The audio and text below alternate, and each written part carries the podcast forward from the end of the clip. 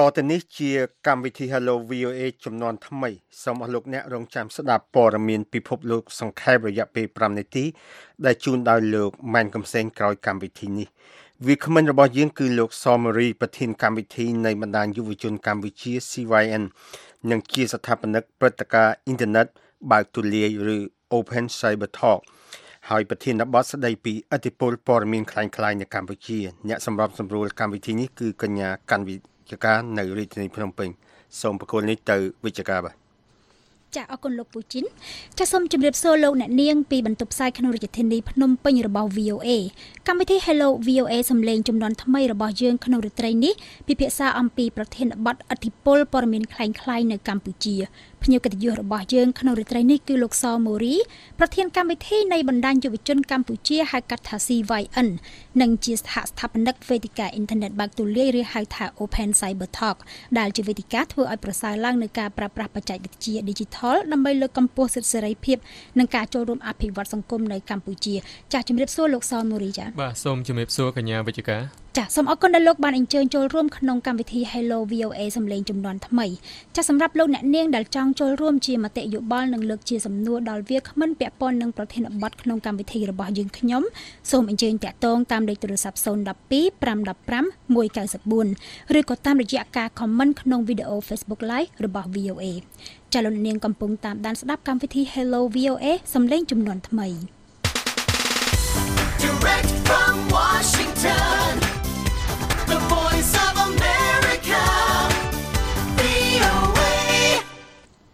ចលនានាងជាទីមេត្រីប្រជាជនកម្ពុជាប្រមាណជា12លាននាក់ក្នុងចំណោម16លាននាក់កំពុងប្រើប្រាស់អ៊ីនធឺណិតហើយក្នុងនោះមានប្រមាណជា8លាននាក់កំពុងប្រើប្រាស់បណ្ដាញសង្គម Facebook ទន្ទឹមនឹងប្រព័ន្ធបច្ចេកវិទ្យានិងអ៊ីនធឺណិតមានការរីកចម្រើនខ្លាំងកម្ពុជាក៏កំពុងប្រឈមនឹងការចែកចាយព័ត៌មានคล้ายៗយ៉ាងច្រើនផងដែរហើយការចែកចាយព័ត៌មានคล้ายៗនេះបានបណ្ដាលឲ្យប្រជាពលរដ្ឋមួយចំនួនរងនឹងការចោទប្រកាន់ហើយនឹងការខាត់ខ្លួនពិសេសក្នុងអំឡុងពេលដែលកម្ពុជាកំពុងប្រឈមនឹងជំងឺ Covid-19 ចង់ដឹងថាតើព័ត៌មានคล้ายៗនៅកម្ពុជាបច្ចុប្បន្នមានស្ថានភាពបែបណាហើយនឹងមានឥទ្ធិពលបែបណាខ្លះទៅដល់សង្គមសូមអញ្ជើញវាគ្មិនរបស់យើងគឺលោកសម៉ូរីបកស្រាយចា សសូមអញ្ជើញបាទអរគុណច្រើនកញ្ញាវិជ្ជការជាបឋមខ្ញុំបាទសូមូរីសូមគោរពដល់ប្រិមិត្តអ្នកស្ដាប់កម្មវិធី Hello VOA ជាទីគោរពនិងជាទីរាប់អានបាទអឺមុននឹងយើងចូលដល់ប្រធានបទនិយាយអំពីព័ត៌មានคล้ายៗតើវាប៉ះពាល់យ៉ាងម៉េចដល់ដល់សង្គមជាដំបូងយើងត្រូវយល់ថាព័ត៌មាន វាមានសារៈសំខាន់ហើយវាមានអត្ថប្រយោជន៍ទៅលើការគិតរបស់មនុស្សគ្រប់រូបហើយជាពិសេសការសម្រេចចិត្តសំខាន់សំខាន់របស់មនុស្សគ្រប់រូបបាទគឺពឹងផ្អែកទៅលើព័ត៌មានចឹងហើយបើសិនជាយើងទទួលបានព័ត៌មានមិនពិត ជាពិសេសព័ត៌មានคล้ายៗហ្នឹងវាទី1វាជះអត្តពលសំខាន់ដល់ ប្រជាពលរដ្ឋទូទៅឬក៏សាធារណជន ក្នុងការទទួលបានព័ត៌មានពិត និងព័ត៌មានដែលអាចទុកចិត្តបាន ទី2បើសិនជាយើងនាំគ្នាចែកចាយព័ត៌មានមិនពិតឬក៏អ្នកខ្លះគាត់ទទួលបានព័ត៌មានមិនពិតពេលខ្លះគាត់នាំឲ្យមានការភ័យខ្លាចឧទាហរណ៍ថាថ្មីថ្មីនេះ មានការផ្ទុះឡើងជំងឺ Covid 19 ចឹងសំខាន់ណាស់ដែលប្រជាពលរដ្ឋគាត់ត្រូវទទួលបានព័ត៌មានមួយដែលពិតប្រាកដហើយអាចទុកចិត្តបានបើសិនជាគាត់ទទួលបានព័ត៌មានមិនពិតអាចនាំឲ្យមានការភ័យខ្លាចឧទាហរណ៍ថាមានព័ត៌មានមួយលើកឡើងថានៅក្នុងរាជធានីភ្នំពេញកំពុងតែផ្ទុះជំងឺ Covid-19 បាទហើយបងប្អូនក៏នៅលើព័ត៌មានដូចនេះបងប្អូនអត់បាន ទៅធ្វើការត្រួតពិនិត្យជាមួយនឹងប្រភពព័ត៌មានអាចទុកចិត្តបានដូចជា ប្រភពព័ត៌មានពីអឺក្រសួងសុខាភិបាលអីជាដើមស្រាប់តែបងប្អូនមួយចំនួនលែងហ៊ានមករាជធានីភ្នំពេញឬក៏អ្នកខ្លះផ្អើលនាំគ្នាទៅទិញស្តុកអាហារអីជាដើមអឺបាទដល់ពេលនោះស្ថានភាព សង្គមវាអាចច្បោកច្បល់ដែរហើយជាពិសេសអ្នកដែលឆ្លៀតឱកាសអាចដំឡើងទំនិញអីជាដើមអញ្ចឹងយើងឃើញថាការទទួលព័ត៌មានមិនពិតនឹងជាជាអត្តពល ហើយជាពិសេសបើនៅក្នុងផ្នែកនយោបាយរឹតតែសំខាន់ទៅទៀតបាទយើងឃើញបច្ចុប្បន្នសម័យ digital អ្នកនយោបាយនៅក្នុងប្រទេសមួយចំនួនគាត់ចូលចិត្តប្រើប្រាស់ព័ត៌មាននៅលើបណ្ដាញសង្គមហ្នឹងដើម្បីទាញការគ្រប់គ្រងឬក៏បង្កើតព័ត៌មានមិនពិតធ្វើដូចពិតដើម្បីទាញការគ្រប់គ្រងរបស់ខ្លួនឯងអញ្ចឹងហើយបើសិនជាប្រជាពលរដ្ឋដែល មិនមានចំណេះដឹងគ្រប់គ្រាន់ផ្នែកសារព័ត៌មានហើយអាចបញ្ជាក់អំពីប្រភពព័ត៌មានដែលអាចទុកចិត្តបានគាត់ងាយនឹងធ្វើការសម្រេចចិត្តខុសបាទចាពាក់ព័ន្ធជាមួយនឹងស្ថានភាពវិញយើងមើលឃើញថាតាមនាងខ្ញុំសង្កេតក៏ដូចជាមើលឃើញណាគឺឃើញថាកាលពីឆ្នាំ2013មក ចាប់ផ្ដើមមាននៅព័ត៌មានคล้ายៗដោយសារយើងដឹងថានៅពេលនោះគឺអ៊ីនធឺណិតនៅក្នុងប្រទេសកម្ពុជាយើងគឺចាប់ផ្ដើមមានការកើនឡើងហើយប្រើប្រាស់ច្រើនលោកអាចមើលបន្តិចបានទេថាតើកាលពីឆ្នាំ2013រហូតមកពេលបច្ចុប្បន្នបើយើងមើលពីស្ថានភាពព័ត៌មានคล้ายៗក្នុងពេលបច្ចុប្បន្នលោកមើលឃើញយ៉ាងម៉េចវិញបាទអឺសម្រាប់ខ្ញុំខ្ញុំឃើញថាបញ្ហាព័ត៌មានคล้ายៗទើបតែ คล้ายទៅជាប្រធានបទមួយក្តៅនៅចន្លោះ4ឬ5ឆ្នាំចុងក្រោយជាពិសេសហ្នឹងគឺនៅចន្លោះឆ្នាំ2016 17ហ្នឹងយើងឃើញថាចរន្តឬចរន្តនៃនៃព័ត៌មានคล้ายៗហ្នឹងផ្ទុះខ្លាំងមែនតើដោយសារតែកំណើននៃប្រជាពលរដ្ឋប្រើប្រាស់បណ្ដាញតំណងសង្គមចឹងហើយអឺអ្នកបង្កើតព័ត៌មានคล้ายៗមួយចំនួនក៏បានយកឱកាសដែលប្រជាពលរដ្ឋចាប់ផ្ដើម ប្រើប្រាស់បណ្ដាញតំណសង្គមហ្នឹងក្នុងការបង្កើតព័ត៌មានคล้ายៗអញ្ចឹងយើងយើងយើងឃើញថានៅក្នុងប្រទេសកម្ពុជាយើងការកាត់ឡើងនៅព័ត៌មានคล้ายៗយើងឃើញមានព័ត៌មានសំខាន់សំខាន់មួយចំនួនដែលយើងឃើញថាវាជាព័ត៌មានដែលអឺពេញនិយមឬក៏បានន័យថាជាប្រភេទព័ត៌មានคล้ายៗដែលគេធ្វើការចែកចាយច្រើន ទី1ជាប្រភេទព័ត៌មាន clickbait បានន័យថាជាប្រភេទព័ត៌មានដែលគេបង្កើតឡើង មើលទៅហាក់ដូចជាព័ត៌មានហ្នឹងពិតប៉ុន្តែនៅពេលដែលគេ click ចូលមើលទៅព័ត៌មានហ្នឹងជាមេតិកាមួយដែលមិនពិតហើយព័ត៌មានប្រភេទនេះគឺជាប្រភេទព័ត៌មានដែលអ្នករកលុយតាមអ៊ីនធឺណិតគាត់បង្កើតព័ត៌មានមកដើម្បីធ្វើម៉េចឲ្យតាក់ទាញមនុស្សចូលមើលច្រើនហើយដើម្បីឲ្យ click like ដើម្បីឲ្យគាត់នឹងមានឱកាសក្នុងការរកចំណូលទី2ជាប្រភេទព័ត៌មាន propaganda អញ្ចឹងព័ត៌មាន propaganda នេះយើងឃើញភាគច្រើនអ្នកនយោបាយជឿចិត្តប្រើប្រាស់ព័ត៌មាននេះហើយប្រភេទព័ត៌មាន propaganda ហ្នឹងគឺគេមានគោលដៅច្បាស់លាស់តែម្ដងដែលគេបង្កើតឡើងដើម្បីទាញការគិតទាញចំណាប់អារម្មណ៍ផុស អ្នកទទួលព័ត៌មានហ្នឹងឬក៏អ្នកតាមដានព័ត៌មានហ្នឹងឲ្យជឿទៅលើឬក៏ឲ្យជឿឬក៏មានភាពលំអឿលំអៀងទៅលើបញ្ហាណាមួយជាពិសេសគេចូលចិត្តប្រាស់ប្រាស់មែនតើនៅក្នុងបញ្ហានយោបាយបាទទី2ទី3យើងឃើញប្រភេទព័ត៌មានកំសាន្តអញ្ចឹងខ្ញុំឃើញប្រភេទព័ត៌មានកំសាន្តហ្នឹងស្តៀងនឹង click bait ដែរដែលគេចូលចិត្តប្រើចំណងចំណងជើងដែលតាក់ទាញចំណងជើងដែលប្លែកយើងគ្រាន់តែមើលយើងចង់ like ចូលមើលប៉ុន្តែនៅពេលដែលយើង click ចូលទៅ បាទព័ត៌មានទៅរឿងមួយអីផ្សេងទៀតបាទបាទនេះជានេះជាប្រភេទព័ត៌មានคล้ายคล้ายប៉ុន្តែអឺលើពីនេះដែរយើងឃើញក៏ក៏ក៏មានការកើនឡើងនៃការបង្កើតគណនី Facebook អឺคล้ายៗដែរបាទយើងឃើញប្រហែលឆ្នាំចុងក្រោយនេះយើងឃើញចរន្ត2បាទអឺចរន្តប្រភេទគណនី Facebook คล้ายៗដែលត្រូវបានបង្កើតឡើង ក្នុងការវាយប្រហារទៅលើរដ្ឋាភិបាលក៏មានហើយប្រភេទគណនីคล้ายៗ Facebook คล้ายៗមួយចំនួនត្រូវបានបង្កើតឡើងដើម្បីវាយប្រហារទៅលើគណៈបកប្រឆាំងអីជាដើមហើយជាពិសេស យើងឃើញនៅពេលដែលមានព្រឹត្តិការណ៍ណាមួយកាត់ឡើងយើងឃើញ account คล้ายៗជាច្រើនបាទគាត់ចាប់ដើមចូលមក debate ជេរគ្នានៅលើ comment Facebook អីជាដើមហើយយើងឃើញថារូបភាពនេះគឺវាជះឥទ្ធិពលអវិជ្ជមានដល់ប្រជាពលរដ្ឋក្នុងការគិតពិចារណាឲ្យបានស៊ីជម្រៅទៅលើព័ត៌មានចា៎អរគុណលោកសមូរីចលនាកំពុងតាមដានស្ដាប់កម្មវិធី Hello VOA សំឡេងចំនួនថ្មី The voice Voice of America VOA ចលនានាងកំពុងតាមដានស្ដាប់ Hello VOA សម្លេងចំនួនថ្មីដែលមានវាគ្មិនរបស់យើងគឺលោកសមូរីប្រធានកម្មវិធីនៃបណ្ដាញយុវជនកម្ពុជា និងជាសហស្ថាបនិកវេទិកាអ៊ីនធឺណិតបាក់ទូលាយ ប្រសិនបើលោកអ្នកនាងចង់ចូលរួមជាមតិយោបល់និងលើកជាសំណួរដល់វាគ្មិនពាក់ព័ន្ធនឹងប្រធានបទក្នុងកម្មវិធីរបស់យើងខ្ញុំសូមអញ្ជើញតាក់ទងតាមលេខទូរស័ព្ទ012 515 194ឬក៏តាមរយៈការ comment ក្នុងវីដេអូ Facebook Live របស់ VOA ចាសម្រាប់ពេលនេះនាងខ្ញុំសូមទទួលសំណួរក៏ដូចជាមតិយោបល់ពីប្រិយមិត្តពាក់ព័ន្ធនឹងប្រធានបទអធិបុលព័ត៌មានคล้ายៗនៅកម្ពុជាចានេះពេលនេះគឺយើងមានអ្នកស្រីសុវណ្ណពីខេត្តកណ្ដាលចាសូមជម្រាបសួរអ្នកស្រីសុវណ្ណចា ចាលោកជំរាបសួរចាឡូចាជំរាបសួរចាចាចាជំរាបសួរជំរាបសួរវិមិនផងចាអឺខ្ញុំខ្ញុំសុំសួរថា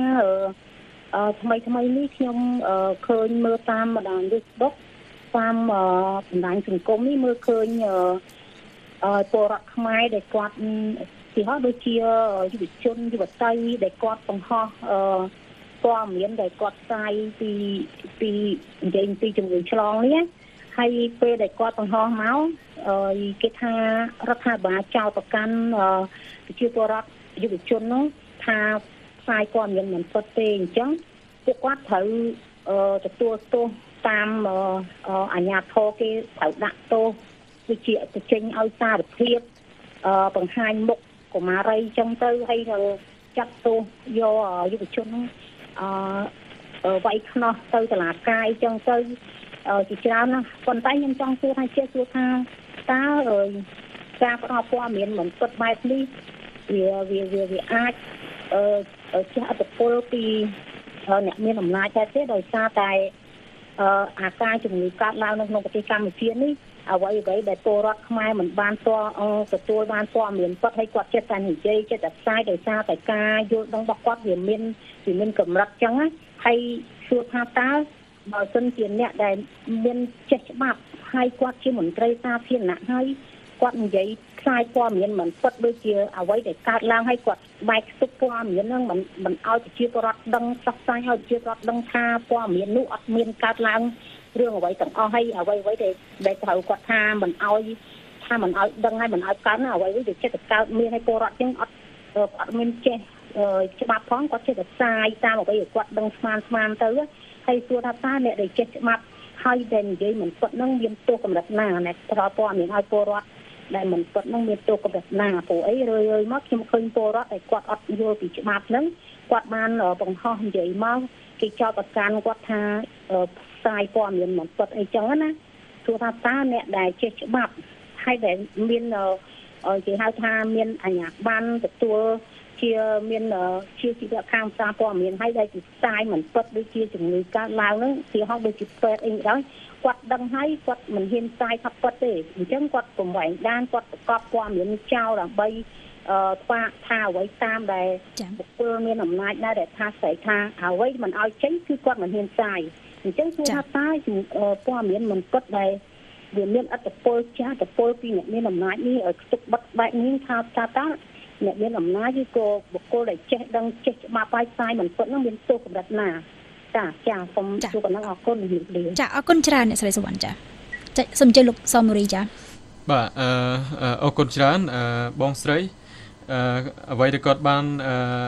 លើកឡើងហ្នឹងអឺល្អមែនតើសម្រាប់សម្រាប់ខ្ញុំខ្ញុំខ្ញុំមើលឃើញថាការចាត់វិធានការរបស់រាជរដ្ឋាភិបាលថ្មីថ្មីនេះទៅលើក្រមយុវជនដែលគាត់ធ្វើការបញ្ចេញមតិអំពីបញ្ហាជំងឺ Covid-19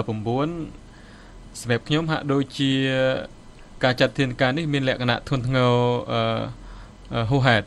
ចំពោះពួកគាត់ អឺមូលហេតុអីបានខ្ញុំលើកឡើងដូចនេះអឺពីព្រោះថាកន្លងមករាជរដ្ឋាភិបាលមិនទាន់បានបែងចែកឲ្យច្បាស់ថាតើព័ត៌មានអ្វីជាព័ត៌មានមិនពិតទេ ហើយនៅក្នុងក្របខ័ណ្ឌច្បាប់នៃប្រជាជាតិកម្ពុជាក៏អត់ទាន់មាននិយាយច្បាស់ដែរថាតើអ្នកដែលចែកចាយព័ត៌មានមិនពិតហ្នឹង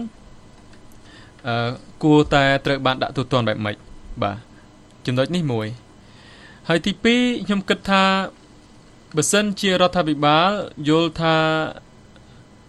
យុវជនឬក៏ប្រភពព័ត៌មានណាមួយមានលក្ខណៈមិនពិតធ្វើឲ្យសាធារណជនមានការភ័ន្តច្រឡំរដ្ឋាភិបាលត្រូវតែមានកាតព្វកិច្ចក្នុងការបង្ហាញព័ត៌មានទៅដល់សាធារណជន ធ្វើការបកស្រាយបំភ្លឺទៅឲ្យសាធារណជនបានដឹងថាការលើកឡើងរបស់យុវជននេះឬក៏ការលើកឡើងរបស់ ប្រភពព័ត៌មានមួយនោះជាព័ត៌មានមិនពិតហើយលើកទឹកចិត្តឲ្យប្រជាពលរដ្ឋនឹងតាមដានព័ត៌មានពីរដ្ឋាភិបាលហើយជាពិសេសរដ្ឋាភិបាលគួរតែអប់រំប្រជាពលរដ្ឋឲ្យគាត់ថាបើសិនជាគាត់ចង់តាមដានអំពីព័ត៌មានអំពីជំងឺ Covid-19 តើគាត់គួរទៅទៅតាមដានប្រភពព័ត៌មាននៅឯណាបាទ website ឬក៏គេហទំព័រ Facebook របស់ក្រសួងសុខាភិបាលឬក៏ ស្ថាប័នណាមួយដែលទទួលបន្ទុកក្នុងរឿងនេះ ហើយរដ្ឋាភិបាលគួរតែចាត់វិធានការអប់រំឲ្យបានច្រើនជាងជាជាងការចាត់វិធានការផ្លូវច្បាប់ប្រឆាំងទៅលើយុវជនទាំងអស់នោះមូលហេតុខ្ញុំខ្ញុំយល់ឃើញថាប្រជាពលរដ្ឋខ្មែរដែលធ្វើការបញ្ចេញមតិកន្លងមកអ្នកខ្លះគាត់មានការព្រួយបារម្ភគាត់មានការភ័យខ្លាចស្របពេលដែលគាត់ទទួលបានព័ត៌មានជាច្រើនអំពីប្រទេស ជិតខាងហើយនិងប្រទេសស្ទើរស្ទើរទូទាំងពិភពលោក មានការផ្ទុះជំងឺ Covid-19 ហើយរដ្ឋហើយប្រជាជនខ្មែរយើងហាក់ដូចជានៅសង្ស័យមានមន្ទិលចំពោះវិធានការរបស់រាជរដ្ឋាភិបាលហើយនិងវិធានការរបស់ក្រសួងសុខាភិបាលក្នុងការទប់ស្កាត់ជំងឺនេះអញ្ចឹងហើយបានជានៅក្នុងដំណាក់កាលនេះវាចាំបាច់ដែលរដ្ឋាភិបាលត្រូវតែធ្វើ បច្ចុប្បន្នភាពជាប្រចាំអំពីជំងឺនេះហើយជាពិសេសបើកទូលាយទៅដល់សារព័ត៌មានវិជ្ជាជីវៈធ្វើម៉េចឲ្យគាត់អាចទទួលបានព័ត៌មានហើយនឹងគាត់អាចធ្វើព័ត៌មានអំពីបញ្ហានេះឲ្យបានល្អប្រសើរដើម្បីចែកជូនដល់ប្រជាពលរដ្ឋដើម្បីគាត់មានភាពកក់ក្ដៅបាទ ចាអរគុណលោកម៉ូរីចាលោកនាងជាទីមេត្រីប្រសិនបើលោកអ្នកនាងចង់ចូលរួមជាមតិយោបល់និងលើកជាសំណួរដល់វាគ្មិនពាក់ព័ន្ធនឹងប្រធានបទក្នុងកម្មវិធីរបស់យើងខ្ញុំសូមអញ្ជើញតាក់ទងតាមលេខទូរស័ព្ទ012 515 194ឬក៏តាមរយៈការ comment ក្នុងវីដេអូ Facebook Live របស់ VOA ចានាងខ្ញុំសូមទទួលជាសំណួរនឹងការបញ្ចេញមតិយោបល់បន្ថែមពាក់ព័ន្ធនឹងប្រធានបទរបស់យើងនាងខ្ញុំឃើញថាមានប្រិយមិត្តមួយរូបដែលកំពុងតែប្រើប្រាស់គណនី Facebook ឈ្មោះថាសម្បូរកូនខ្មែរគាត់បានសួរថាតើត្រូវធ្វើយ៉ាងម៉េចដើម្បីកុំឲ្យមានព័ត៌មានคล้ายៗនៅស្រុកខ្មែរកុំឲ្យបំពុលពលរដ្ឋតទៅទៀតចាសសូមជើញលោកម៉ូរីបាទអរគុណច្រើនសំណួរនេះគឺជាសំណួរល្អហើយខ្ញុំខ្ញុំគិតថាមានចំណុចច្រើនដែលខ្ញុំនឹងបកស្រាយបាទអឺចំណុចទី1ដែលបងប្អូនអាចជៀសវាងហើយសម្គាល់ថាតើព័ត៌មានប្រភេទណាជាប្រភេទព័ត៌មានคล้ายៗ ទី1បងប្អូនអឺត្រូវត្រួតពិនិត្យទៅលើ website ព័ត៌មានទាំង lain ណាថាតើ website ព័ត៌មាននោះជាប្រភេទ website ព័ត៌មានសាធារណៈដែលមានការទទួលស្គាល់ដែរឬទេបាទទី2យើងត្រួតពិនិត្យទៅលើខ្លឹមសារនៅក្នុងអត្ថបទទៀតថាតើអត្ថបទព័ត៌មានហ្នឹងមានប្រភពច្បាស់លាស់ទេ មានសម្រងសម្ដី មានការអះអាងរបស់អ្នកជំនាញ ឬក៏ពីស្ថាប័នផ្លូវការណាមួយទេប៉ុន្តែបើសិនជាប្រភេទអត្ថបទនោះមានតែជាអត្ថបទប៉ុន្តែមិនមានប្រភពច្បាស់លាស់ហើយពេលខ្លះអត្ថបទនោះអត់មានអ្នកនិពន្ធទៀតបាទអញ្ចឹងយើងអាចថាប្រភេទព័ត៌មានទាំងអស់នោះភាគច្រើនជាប្រភេទព័ត៌មានคล้ายៗចំណុចមួយទៀតចំណុចទី3បងប្អូនត្រូវចេះស្វែងរកប្រភពព័ត៌មានដែលបងប្អូនអាចទុកចិត្តបាន ឧទាហរណ៍ថាបងប្អូនជ្រើសរើសយកអឺព័ត៌មាន BBC ព័ត៌មាន Reuters The Guardian ឬក៏ VOA ឬក៏ Visual Asia ឬក៏ Channel New Asia ដែលបងប្អូនគិតថាព័ត៌មានទាំងអស់នេះជាប្រភេទព័ត៌មានស្ថាប័នសាធារណៈជាប្រភេទស្ថាប័នព័ត៌មានដែលមានការទទួលស្គាល់ជាសាធារណៈហើយបងប្អូនត្រូវទៅ verify អញ្ចឹងនៅពេលដែលមានព័ត៌មានលេចធ្លោណាមួយសូមបងប្អូនកុំប្រញាប់ share កុំបង្ងាប់ កុំប្រញាប់ចែកចាយភ័យស្លន់ស្លោប៉ុន្តែបងប្អូនត្រូវតែចូលទៅមើលស្ថាប័នព័ត៌មានទាំងអស់ហ្នឹងតើព័ត៌មានទាំងអស់ស្ថាប័នធំធំទាំងអស់ហ្នឹងមានចុះផ្សាយពីព្រឹត្តិការណ៍នឹងដែរអត់អញ្ចឹងបើសិនជាមានតែស្ថាប័ន website មួយមានព័ត៌មានមួយដែលលេចធ្លោម្នាក់ឯងហើយស្ថាប័នផ្សេងទៀតអត់មានការចុះផ្សាយព័ត៌មានហ្នឹងយើងអាចសន្និដ្ឋានថាព័ត៌មានហ្នឹងជាប្រភេទព័ត៌មានខ្លាំងខ្លាយអញ្ចឹងសំខាន់ណាស់បងប្អូនត្រូវចេះត្រួតពិនិត្យខ្លឹមសារដែលហៅថា fact check ទៅលើព័ត៌មានហ្នឹងបាទចាអរគុណលោកម៉ូរីចានេះខ្ញុំសូមទទួលសំណួរពីប្រិយមិត្តមួយរូបទៀតគឺលោកឆាយពីខេត្តព្រៃវែងចាសូមជម្រាបសួរលោកឆាយចាបាទបាទអរគុណខ្ញុំចាទៅហៅថាចាសូមជម្រាបសួរចាចាអរគុណលោកម៉ូរីអាឡូលោកឆាយលោកម៉ូរីជិតគឺលោកឆាយពីខេត្តព្រៃវែងចាសូមជម្រាបសួរលោកឆាយចាបាទមកជម្រាបសួរអរគុណអាឡូជម្រាបសួរបាទ ខ្ញុំបាទហៅឡូចាសូមជំរាបសួរលោកឆាយចាអញ្ជើញខ្លីៗចាបាទបាទបាទបាទជំរាបសួរបាទអរគុណចាលោកឆាយមានជាសំណួរអីទេចាចាប់អូចាបានដាច់ទៅហើយចាសុំទោសផងលោកឆាយចាចានាងខ្ញុំឃើញមានសំណួរមួយទៀតពីខាងគណនី Facebook ឈ្មោះថាអង្គ ប៉ៅហើយគាត់បានសួរសំណួរស្រដៀងគ្នាទៅនឹងអ្នកស្រីសវណ្ណបន្តិចដែរថាតើអ្នកដែលគាត់លាក់ព័ត៌មានវិញដូចជាថាមានអ្នកស្លាប់ដោយ COVID-19 ហើយផ្សាយថាអត់មានវិញហ្នឹងតើជាព័ត៌មានคล้ายៗដែរទេសូមឆ្លើយខ្លីៗលោកមូរីបាទអឺទាំងខ្ល้ายគឺជាមេត្តាទាំងឡាយណា ដែលធ្វើការចេញផ្សាយមកដើម្បីឲ្យសាធារណជន មានការយល់ខុសឲ្យសាធារណជន មានការភ័ន្តច្រឡំដែល ដំណឹងដែលយើងទទួលបានហ្នឹងវាជាដំណឹងមួយដែលមិនឆ្លោះបញ្ចាំងអំពីការការពិតអញ្ចឹងសំណួរសួរថាបើសិនជា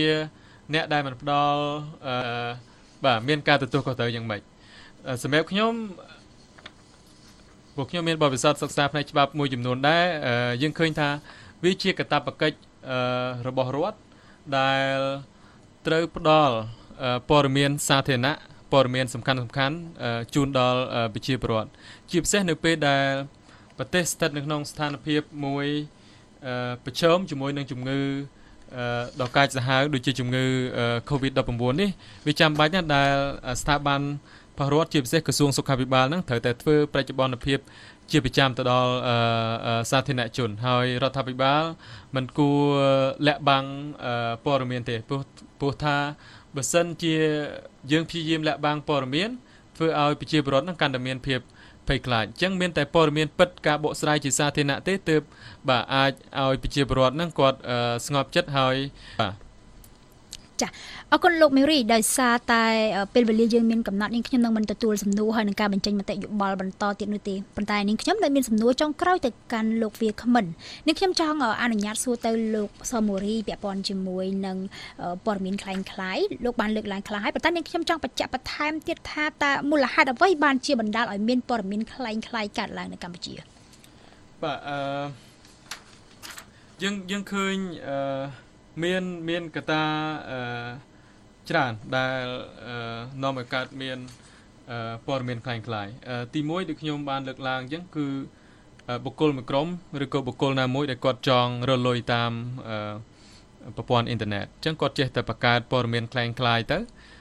ឬក៏ព័ត៌មានដែលនាំឲ្យមានការតាក់ទាញទៅ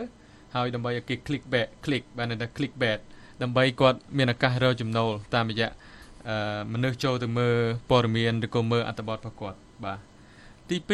2ជាប្រភេទព័ត៌មាន propaganda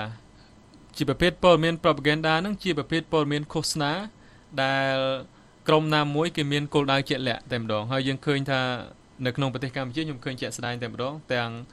បាទអ្នកដែលគ្រប់គ្រងគណៈបកអឺកាន់អំណាចឬហើយរួមជាមួយនឹង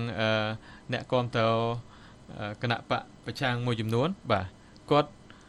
មានចេតនាក្នុងការបង្កើតព័ត៌មានคล้ายៗមួយចំនួនដែលធ្វើឲ្យសាធារណជននឹងមានការភ័ន្តច្រឡំក្នុងគោលដៅចំណេញក្នុងគោលដៅចំណេញទៅលើផ្នែកនយោបាយណាមួយហើយខ្ញុំឃើញថានេះជាជាប្រភេទ